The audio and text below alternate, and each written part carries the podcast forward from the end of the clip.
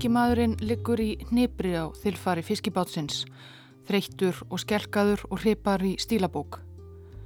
Ég vil ekki deyja, skrifar hann. Ég held ég gæti gert meira gagn á lífi en dauður. En ef þú vilt að ég verði fyrir ör, þá verður það svo að vera, skrifar hann og ungi maðurinn beinir orðum sínum til drottins.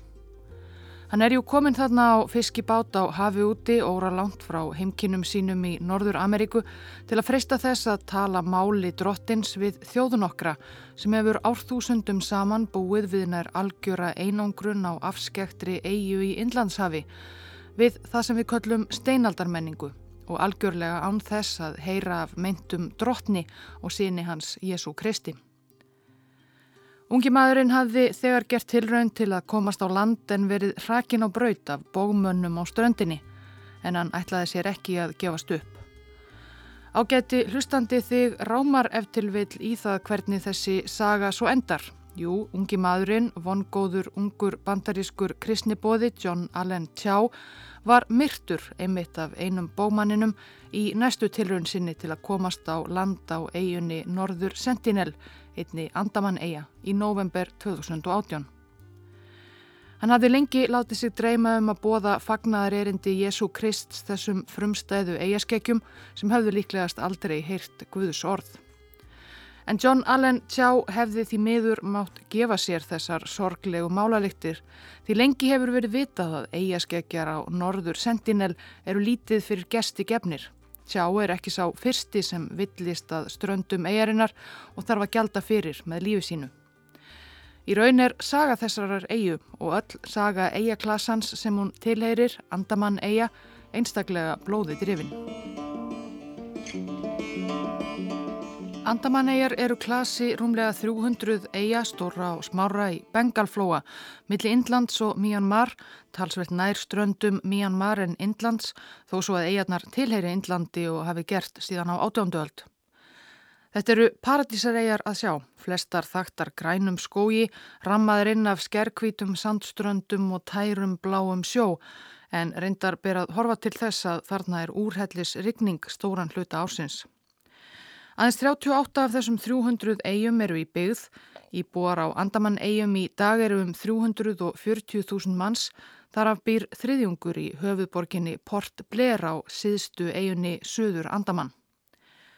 En þessir íbúar eru fæstir nokkuð skildir eigaskekkjunum á Norður Sentinel sem drápu John Allen Tjá.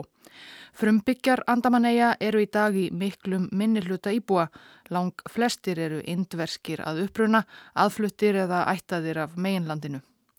Frumbyggjunum hefur ekki vegnað sérlega vel á síðustu öldum þrátt fyrir langa sögum. Hvenar mennirnir komu fyrst til Andamanneia vitum við ekki með vissu en fræðimenn hafa leitt líkum að því að það hafi kannski verið fyrir um 25.000 árum eða svo. Frumbingjarnir á Andamannegjum eru dökkir á hörund og smávaksnir, kallaðir negridóar í fræðunum eins og fleiri áþekkar frumbyggja þjóðir á þessum slóðum til að mynda á Filipsegjum og á eigum Malasíu. Líklega hafa þeir komið úr vestri á sínum tíma en ekki er allavega hægt að ráða mikið um uppruna þeirra af tungumálinu því tungumál Andamann búa, þau eru nokkur en svipuð, Þau eru ekki skild neinum öðrum málum á jarðarkringlunni svo vitað sé.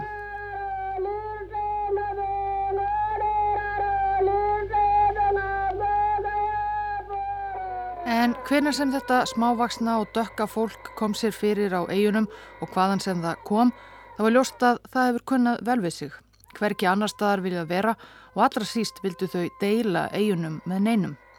Þegar sæfarar frá Asi og Evrópu fóru að sigla þarna framhjá á leiðum sínum um Inlandshafið fengu íbúar andamanneia nefnilega fljótt á sig slæmt orð. Þeir vistust alls ekki kæra sig um að fólk væri að staldra við á eiginum þeirra. Þeir voru herskáir og tóku flestu aðkomu fólki vægarsagt ítla. Skipbrótsmenn sem rak á land á eiginum Þeir voru gerðnan teknir höndum af innfættum og drefnir ánum mikillar viðhafnar. Fólk var því fljótt að komast að raunum að til andamann eiga vildi maður ekki vera að þvælast erindisleisu. Hryllilegar sögur gengu af eigaskekkjum úr arabísku landfræðiriti frá nýjundu öld. Íbúar á þessum eigum geta menn lifandi. Þeir eru svartir með ullarkent hár og í augum þeirra og ásýnd er eitthvað skelvilegt. Þeir ganga naktir og eiga ekki báta. Ef þeir hefðu tækifæri til þá myndu þeir gleipa í sig alla þá sem sigla nálagt þeim. Stundum stoppaðarna skip sem eru veðurteft og búin með vassbyrðir og byggja innfæta um vatn. Þá lenda áhafnirnar stundum í höndum þeirra síðar nefndu og flestir eru breytjaðir niður. En þá viltari sögur voru af íbúum eigana en bara að þeir leiðu sér mannakjött til munns. Í ferðabók sem Ítalinn Rusticello da Pisa skrifaði eftir ferðasögum landasíns Marcos Polos frá Austurlöndum undir lok 13. aldar segir meðal annars frá eiginni Angamanæn sem líklega hefur verið ein Andamann-eiga. Angamanæn er mjög stór eiga. Fólki er konungslöst og dyrkar skurðgóð og er yngu betra en villidýr. Og ég fullvis ykkur um það að allir menn á þessari eigu hafa hunds höfuð og tennur og augu hunds sömu leiðis. Í raun er þeir allir alveg eins og stórir hundar í framann. Þeir eiga mörg krydd en eru grimmilegur þjóðflokkur og geta alla sem þeir koma klóm í. Evróskir miðaldamenn sem heimsóttu fjarlag lönd töldu sig gjarnan sjá þar mennum með hundshöfuð eða heyrðu af slíkum förðuskepnum af einhverjum ástæðum. Eftir frásögn Marcos Pólos fór sagan um hundafólkið á Angamanæn á flugum Evrópu og til að mynda eru til teikningar Evrópumanna sem eiga að heita svipmyndir frá Angamanæn þar sem sjáum á kupplklætt hundafólk stunda verslun og viðskipti með sín mörgu krydd. Auðvitað er í raun og veru ekkert hundafólk á Andamann-eigum, það hefur allavega engin rekist á það undanfarnar aldir. En það eru auðvitað margt sem við ekki vitum en þá um íbúa og sögu eigana.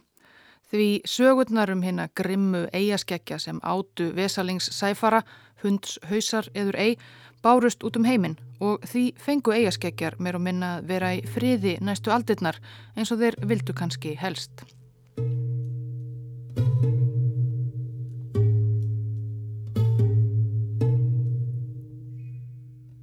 Þó ekki að eilífu. Að sjálfsögðu fóru breytar að hnusa af andamannegjum á ofanverðri átjóndöld með fram því að þeir voru að koma sér fyrir í næsta nágræni á Indlandi. Þá voru eigarnar taldar príðilegur staður fyrir sjóherstuð. Á þessum slóðum í Indlandshafi var allt krökt af sjóræningum og mikilvægt fyrir bresk kaupskip að geta leitað í öruga höfn. Höfnina settu breytar upp á Suður Andamann eigu haustið 1789. Yfir umsjón með því verki hafði kafteitnin Archibald Blair og höfuborg eigana heitir eftir honum enn í dag, Port Blair. Þremur árum síðar kom hann svo upp annari breskri byggð nokkuð til norðurs á stærstu eigunni Stóru Andamann. Þar gekk allt sérlega ílla. Verkamennir sem breytar fluttu á eiguna til uppbyggingarinnar, mikið til indverskir fangar í nauðungarvinnu, fjallu unvörpum úr framandi sjúkdómum og frumbyggjarnir á stóru andamann voru sérstaklega herskáir og óvinnveittir og voru stöðugt að ráðast á aðkomumennina.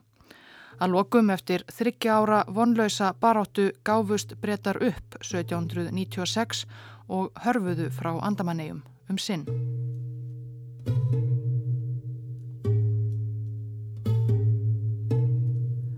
Frumbyggjarnir fengu að vera mestu í friði næstu áratugina nema hvað af og til rákust til eigana ólánsamir sæfarar. Tvö bresk kaupskip, Britton og Runnymede strönduð þannig við eigarnar í sama óveðrinu veturinn 1844. Skipbrótsmennir byggu á eigunni vikum saman þar til hjálpbarsloks frá Kalkúta. Oft kom til átaka millir þeirra og innfætra En einn skipverja sem síðar skrifaði sögu sína veitti því reyndar eftirtækt að þó að innfættir væru óvinnveittir og frumstæðir var ekkert sem benti til þess að þeir legðu sér mannakjöt til munns eins og hann hafði svo oft heyrt. Raunir skipbrótsmanna af Britton og Runnymede vöktu aðtikli og óhug heima í Breitlandi en brettar voru þó ekki alveg af baki dotnir. Um miðja 19. öldina fættist svo hugmynd að nota þessar afskektu eigjar sem fanganýlendu. Það veitti ekki af. 1857 gerðu indverjar uppreysn gegn bresku nýlendustjórninni, uppreysn sem misefnaðist og varð meðal annars til þess að fangar, andofsmenn, hrönnuðust upp í fangelsum hennar hátegnar. Því ekki að senda þá til Andamanneia. Þrátt fyrir fyrri tilraunir til að leggja eigarnar undir sig voru þær breytum enn afar framandi, allavega ef markam á skýrslu bresku stjórnarinnar á Indlandi sem gefin var út um þetta leiti og hófst á þennan hóværa hátt. Alla okkar þekkingu um andamann eigar má tilgreina í örfáum orðum. Þetta er eigarklassi umkringdur kóralrefjum sem eru sérlega hættuleg skipum í grendera. Í þeim miklu fellibiljum sem af og til geisa á bengalflóa. Það eru afar fátækar af dýralífi og fugglar eru þar fáir. Síðan fylgdi kunnuleg lýsing á innfættum. Ómögulegt er að ímynda sér nokkrar manneskjur af lægra siðmentunastígi en villimennina á andamannægjum. Þeir ganga algjörlega án klæða, hafa enga þekkingu á landbúnaði, búa í frumstæðustu vistarverum sem mögulegt er og virðast einungis hugsa út í næstu máltíð. Fjandskapur þeirra í garð ókunnara, auk sögursagna um mannátt, hafa gert það verkum að allir þeir sem nálgast strendur eigana hugsa til þeirra með óta og andstíð. Upprunni þeirra er ráðgáta sem verður líklega aldrei leist. Himkinni þessa myndu villimanna töldu breytar réttastaðin sem sé til að geima indverska andofsmenn og pólitíska fanga. Fanganýlendu var komið upp í grend við Port Blair 1857. Fyrstu 200 fangarnir máttu sjálfur strita við að koma upp nýjum húsakinnum sínum, riðja skó og leggja vegi og byggja skála, allir hlekjaðir saman. Reyndar hafði sjóferðin frá Kalkúta verið svo erfið, aðbúnaður fangarna svo slæmur að all nokkrir dóu á leiðinni yfir hafið og margir voru svo veikburða við komuna að þeir gáttu varla lift fingri hvað þá unnið erfiðisvinnu. En breskir stjórnendur fanganýlendunar kiftu sér lítið upp við það. Allt við fangelsið á andamann eigum átti að vera grimmilegt. Gert var í því að hafa umkörfið eins óviðkunnarlegt og harðnæskulegt og hægt væri. Þarna átti engin að líta gladan dag. Og við komu nýra fangalásu fangaverður upp gamlar lýsingar eins og við höfum hyrt hér fyrir í þættinum á einum herskáum mannætum sem leindust í skóum eigana. Það þýtti því ekkert að reyna að flýja, vildu breytarnir segja með þessu, því það sem beigð handan fanganýlendunar var bara eitthvað ennþá verra. Og vissulega við erfiðisvinnuna máttu fangarnir þóla ítrekkaðar árásir innfættra sem höfðu ekki verið hafðir með í ráðum á nokkurn hátt og kunnu sem fyrr frekar illa við afskipti ókunnugra af eiginum sínum.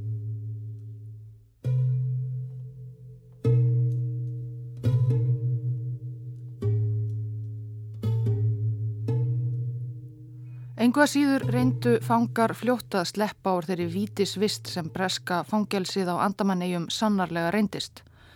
23. april 1858 tókstum 90 fengum að sleppa úr nýlendunni.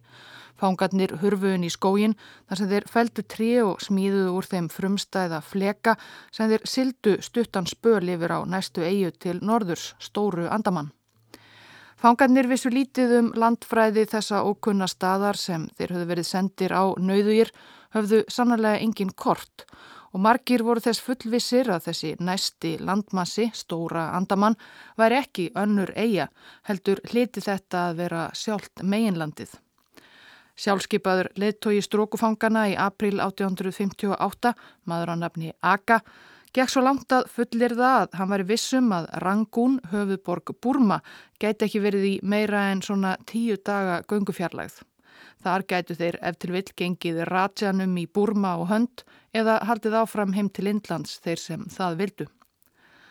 Svo fangarnir lögðu flekunum og eldu aka þennan inn í skógin sem þekur stóran hluta stóru andamann. En Rangoon fundu þeir hverki. Eftir margra daga þram í gegnum skóginu voru margir strókufangana aðframkomnir úr þreitu og hungri, einhverjir þegar dánir úr þorsta, vósbúð eða slöngubitum og ekki bólaði á rangún.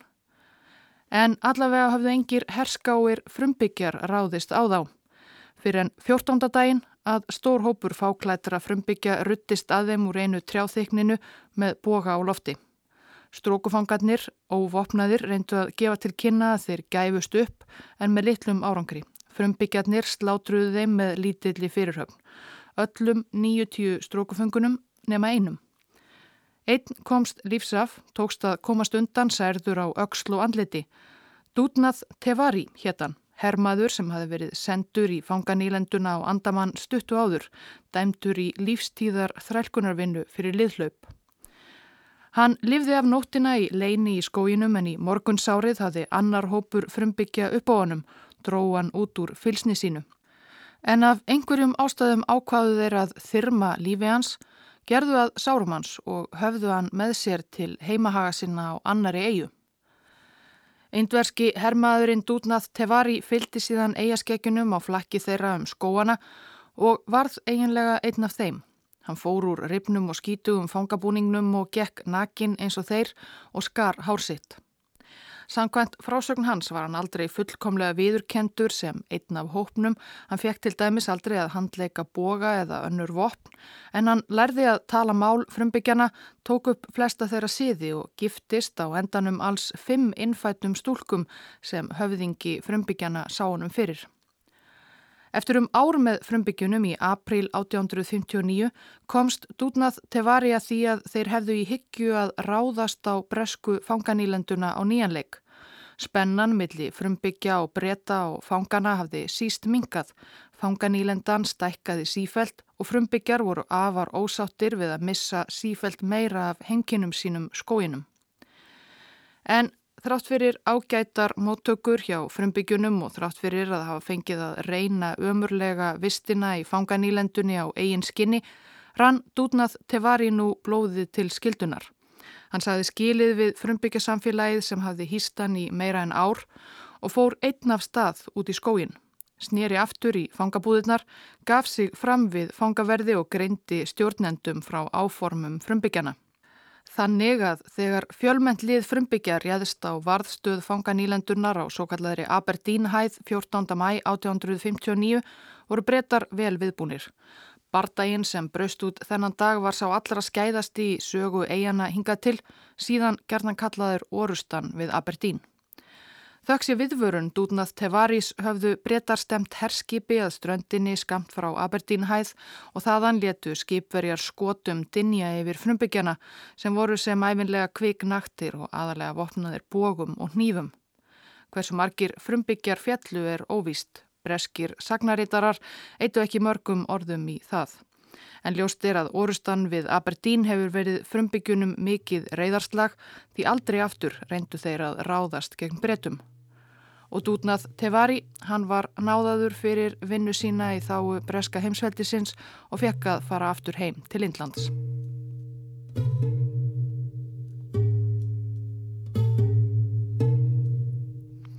Hægt var ég að segja hryllingsögur af breska fangelsinu og andamann eigum tímunum saman. Fanganílendan var jú skipulög með það markmiði að hafa hana sem ömurlegasta og það virðist hafa tekist nokkuð vel. Árið 2001 komust tveir bladamenn Breska blaðsins Guardian yfir gamla skýrslur úr fangelsinu á Andamann sem hafðu sapnað riki glemdar í skjálageimslu í Nýju Deli. Þær eru frekar þunglindislegar. Þetta er frá því um 1870. Mæ. 50 cm af úrkomu. 16 döðir og niðurgangi við Aberdeen. Júni. 34 cm af úrkomu. Fangi með magasár hengdi sig við Perservans Point. Júli 43 cm af úrkomu. Hungursneiðin við bambú flatt svo mikil að mennirnir líkjast beinagrindum. 35 döðir. Brettar notuðu líka fangana á andamannegjum í tilraunastarsemi. Um 1880 prófuðu breskir læknar nýtt mögulegt malaríulif á föngum. Líf þetta var eins konar forveri kínins sem brettar notuðu síðan við malaríum með góðum árangri en þessi frumstæði fyrirrennari hafði hörmuleg áhrif á fangana sem þurftu að prófa það. Þeir fjallu í djúft þunglindi svo mjög að sjálfsmorðstíðinni snar jógst í fanganýlendunni í kjölfar tilrunnarinnar og aðrir gripu til þess örþrifaráðs að ráðast á samfanga sína í örvendingarfulli von um að verða dæmdir til dauða fyrir ofbeldið og þurfa því ekki að binda enda á allt saman sjálfur. Bresku fangaverðinir kiftu sér lítið upp við þetta. Fyrir skipuðu bara að hver sá sem síndi einhvers konar sjálfskaðandi hegðunirði hýttur og letu fangana dúsa í litlum búrum svo þeir réðust ekki hver á annan. Blaðamenn Guardian hafðu líka upp á nokkrum indverskum öldungum sem hafðu lifað af tvöl sína í fangelsinu og andamann á fyrstu áratugum 20. aldar. Þeir hafðu ekki fagrar sögur að segja. Á fjórða áratugnum til að mynda reyndu einhverjir fangar mótmælasvelti í vonum bættan aðbúnað. Eitthvað örlítið skára en maðki getið mjöl að borða og stöðuga erfiðisvinnu í hlekkjum. Það hafði lítið upp á sig eins og bladamenn Guardian lásu í skýslum frá þessum tíma var fljótlega mótuð svo stefna að neyða næringu í fangana, reyra þá niður og hella upp í þá mjölk og öðru næringaríku sulli ef það gekk ekki þá í gegnum nasir eða endaþarm. Dýrendra Tjátúri var 95 ára þegar bladamenn Guardian höfðu upp á honum í lítilli íbúði útkverfi Kalkúta. Hann var ekkert sérstaklega hrifin að því að rifja það upp þegar hann var dæmtur til fangelsisvistar á Andamannegjum 19 ára gamall 1931 fyrir að starfa með bengölskum andófsamtökum. Minningarnar sóttu nefnilega ennþá á hann. Öskrin í samfengum hans þegar verið var að halda þeim niðri og hella upp í þá næringu. Dauða hrygglutnar í þremur vopnabræðurum hans úr indversku sjálfstæðisbaráttunni, Mahavir Singh og Mohan Kishori og Mohit Mitra sem einfallega druknudu í mjölkinni sem held var upp í þá bundna og varnarlausa.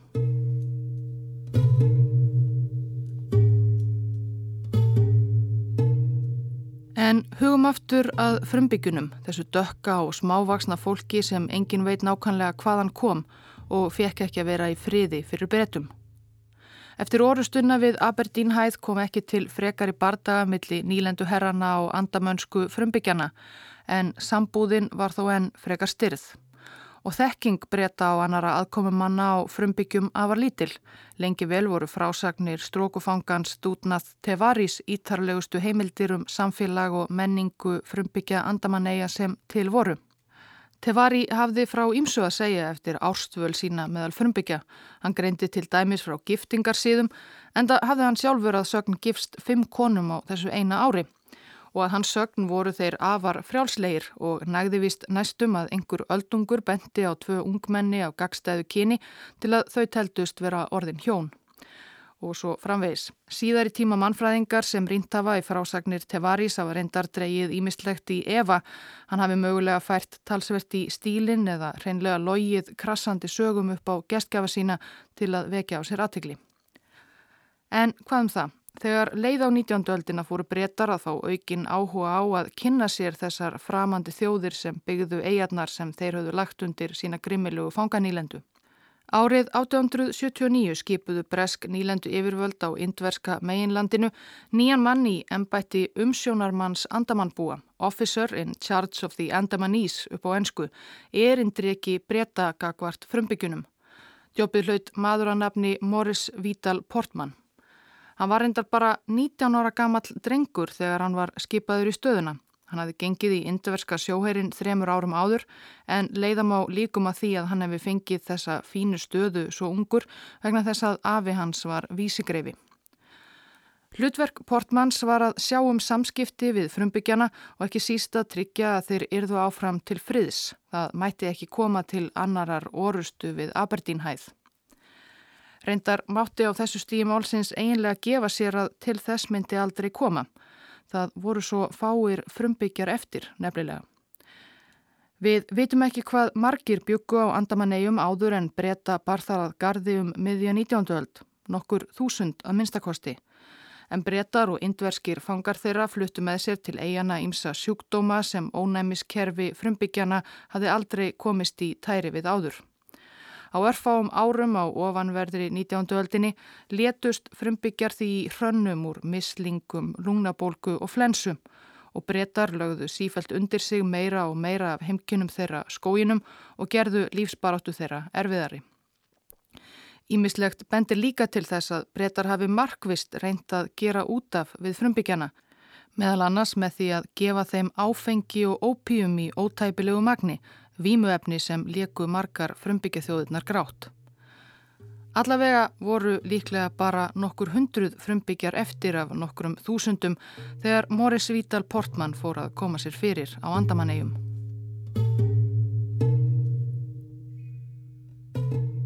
Portman hafði áhuga á mannfræði og þó hann væri algjörlega ómentaður í því fæi hófstan handa kominn til Andamanneia að stunda þetta áhuga mál sitt. Með fram stjórnsýslu störfum leta hann færa sér frumbyggja sem hann ljósmyndaði og mældi eftir kunstarinnar reglum, höfuðlag og svo framvegis eins og þá týðkaðist. Ljósmyndirnar eru það sem mesta aðtikli hafa vakið á síðari árum. Portmann sem gifti sig aldrei og var aldrei við kvennmann kendur, nýja Karlmann, verðist hafa haft sérstakann áhuga á því að ljósmynda unga stæðilega andamann Karlmenn og drengi og þá auðvitað alls nakta eins og þeir voru jafnan. Eftir hann leikur mikið sapn ljósmynda af frumbyggjum andamanneia, miklu fleiri myndir af ungum körlum en konum, myndir sem margir síður í tíma fræðumenn hafa líst sem að minnstakosti hálf erotískum. Eða með hans eigin orðum Margir karlmenn á andamannegjum eru mjög myndalegir. Þar sem þeir hafa ekki þessar þykku varir, háu kinnbein og flötu nef sem negrar hafa. Fegurð kvennana er þó ekki ósvipuð hottentotta Venus. Hann hafði líka nokkuð fyrðulegan áhuga á að mæla lengt kinnfæra andamannskra karla og lýsa þeim í smáatriðum í rítum sínum.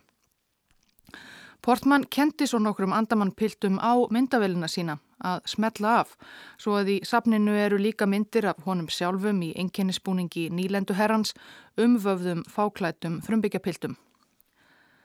Frumbyggjarnir á ljósmyndum Portmans eru flestir frá stærstu eigum eigaklassans, stóru andamann, suður andamann og svo framvegis.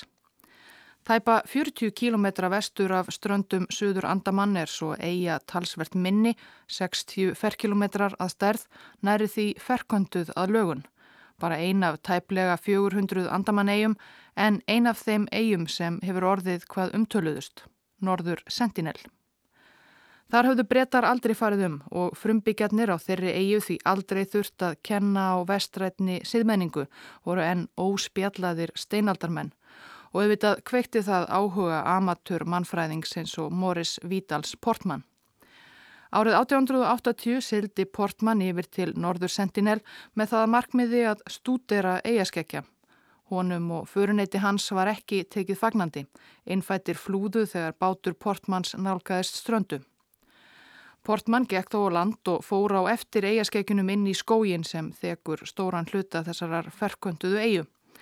Þeir rákust á endanum á fjórar eftirlegu kindur sem höfðu kannski farið hægast yfir, gömul hjón með fjögur ung börn í eftirdrægi.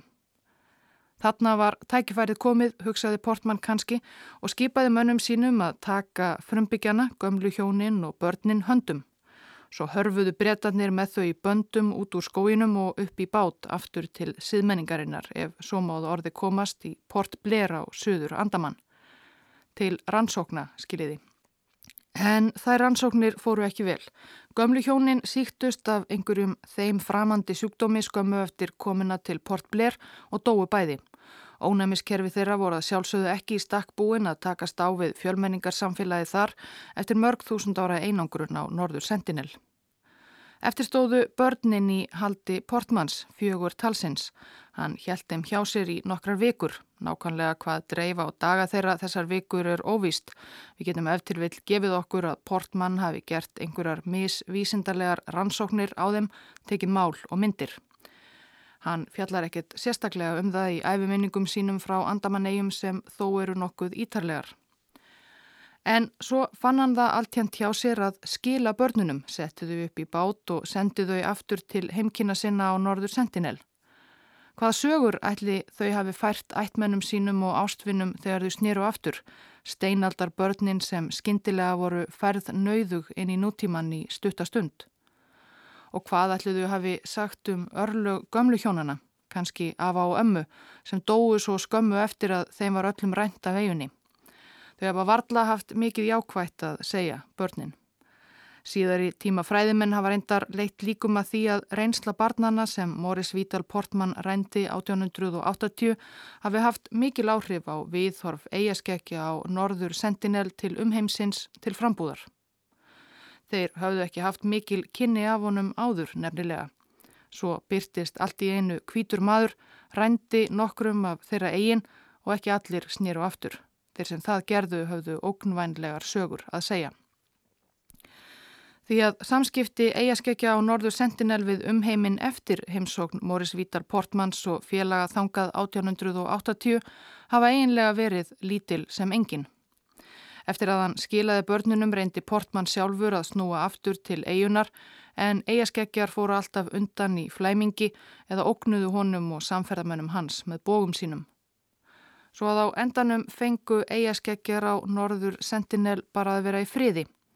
Eins og frumbyggjar á hinum andamann eigunum hefðu vafalust viljað hefðu þeir verið spurðir en þarna var það of seint. Brettar og indverjar voru búin að breyða úr sér á stærstu eigunum og innfættir áttu þar vægasagt undir högg að segja og auðvitað spurði þá engin.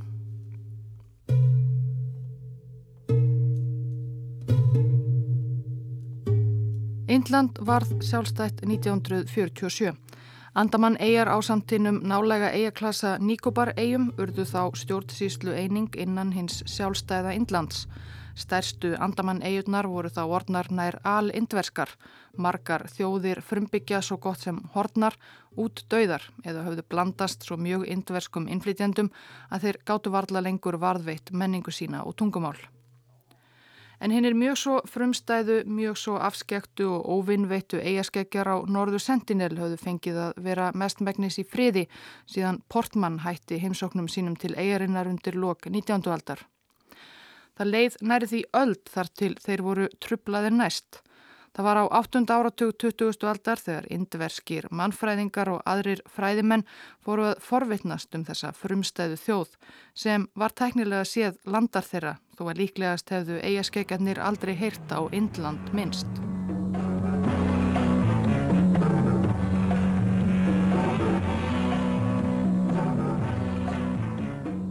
1974 gerðu indverskir sjóhansmenn heimildamindina Man in Search of Man, maður í leitað manni, þar sem meðal annars má sjá indverska mannfræðinga sigla upp að ströndum Norður Sentinel.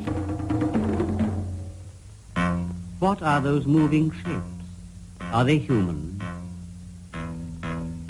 At last, the first glimpse of the Sentinelese Á myndskeiðum sem tekin eru úr all nokkuri fjarlægð sjást dökkar mannverur á skjannakvítri sandströnd, bað á dörmum og veifa spjótum og bógum. Þau virðast ekki sérlega spennt fyrir heimsókn. Í frásögn sögumanns er tekið fram að einn úr kvikmyndateiminu hafi fengið stóra ör í sig og slasast alvarlega. Kvikmyndaliðið hörfaði og myndin endar á óljósum myndum af þessum dökku mannverum í fjarska og einhverjum bollaleggingum um þróun mannsins.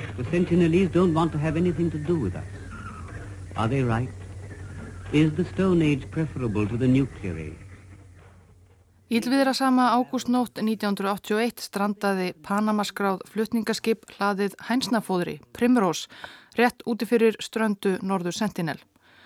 Skipverjar höfðu heyrt því líkar sögur af hinnum herska og frumbyggjum eigarinnar að þeirra fyrsta verk var ekki beint að kalla eftir aðstóð til að koma þeim burt, heldur vildu þeir láta Björgunar þyrlu kasta niður til sín skotvopnum ef svo færi að eigaskeggjar réðust á skipið.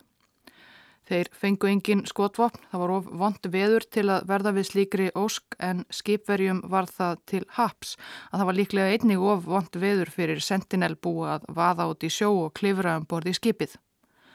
Þegar lægði nokkrum dögum síðar kom þyrla og bjargaði skipverjum úr flakinu sem ennum á sjá við strendur norður sentinel. Ef laust hafa eigaskeggjar líka rannsakaða þegar ílviðrinu slottaði og skipverjar voru á bak og burt. Hvað ætli þeirra við hugsað þegar þeir gengu á þilfari nútímalegs flutningaskips innan um alls konar málma og plast og tæki og tól? Þeir gerðu sér allavega flakið að góðum því eftir skipbrot flutningaskipsins Primrós hefur sérst til Sentinel búa með hnífa og önnur verkværi sem þeir virðast hafa smíðað úr brotajárni úr flakinu, bjargað sér og aðlagast.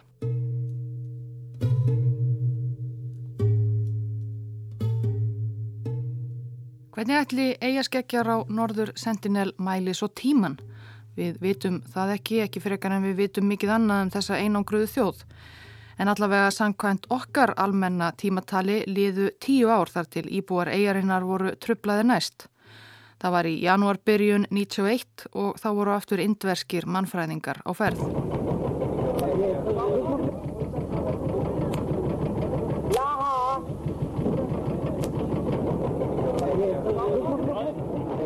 Markmiðið var þá sérstaklega að ná einhvers konar sambandi við eigaskekkja, koma á samskiptum. Mannfræðingarnir höfðu með sér gjafir sem þeir köstuð úr báti sínum í sjóin við ströndina þar sem forvitnir en skeftískir sentinelbúar höfðu safna saman að sjá hvað væri að skemm.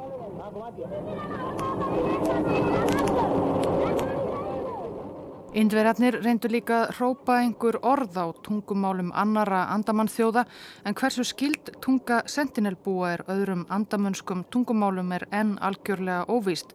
Allavega vittust þeir á ströndinni á norður sentinel þennan daginn hvorki skilja uppni niður í hrópunum og köllunum.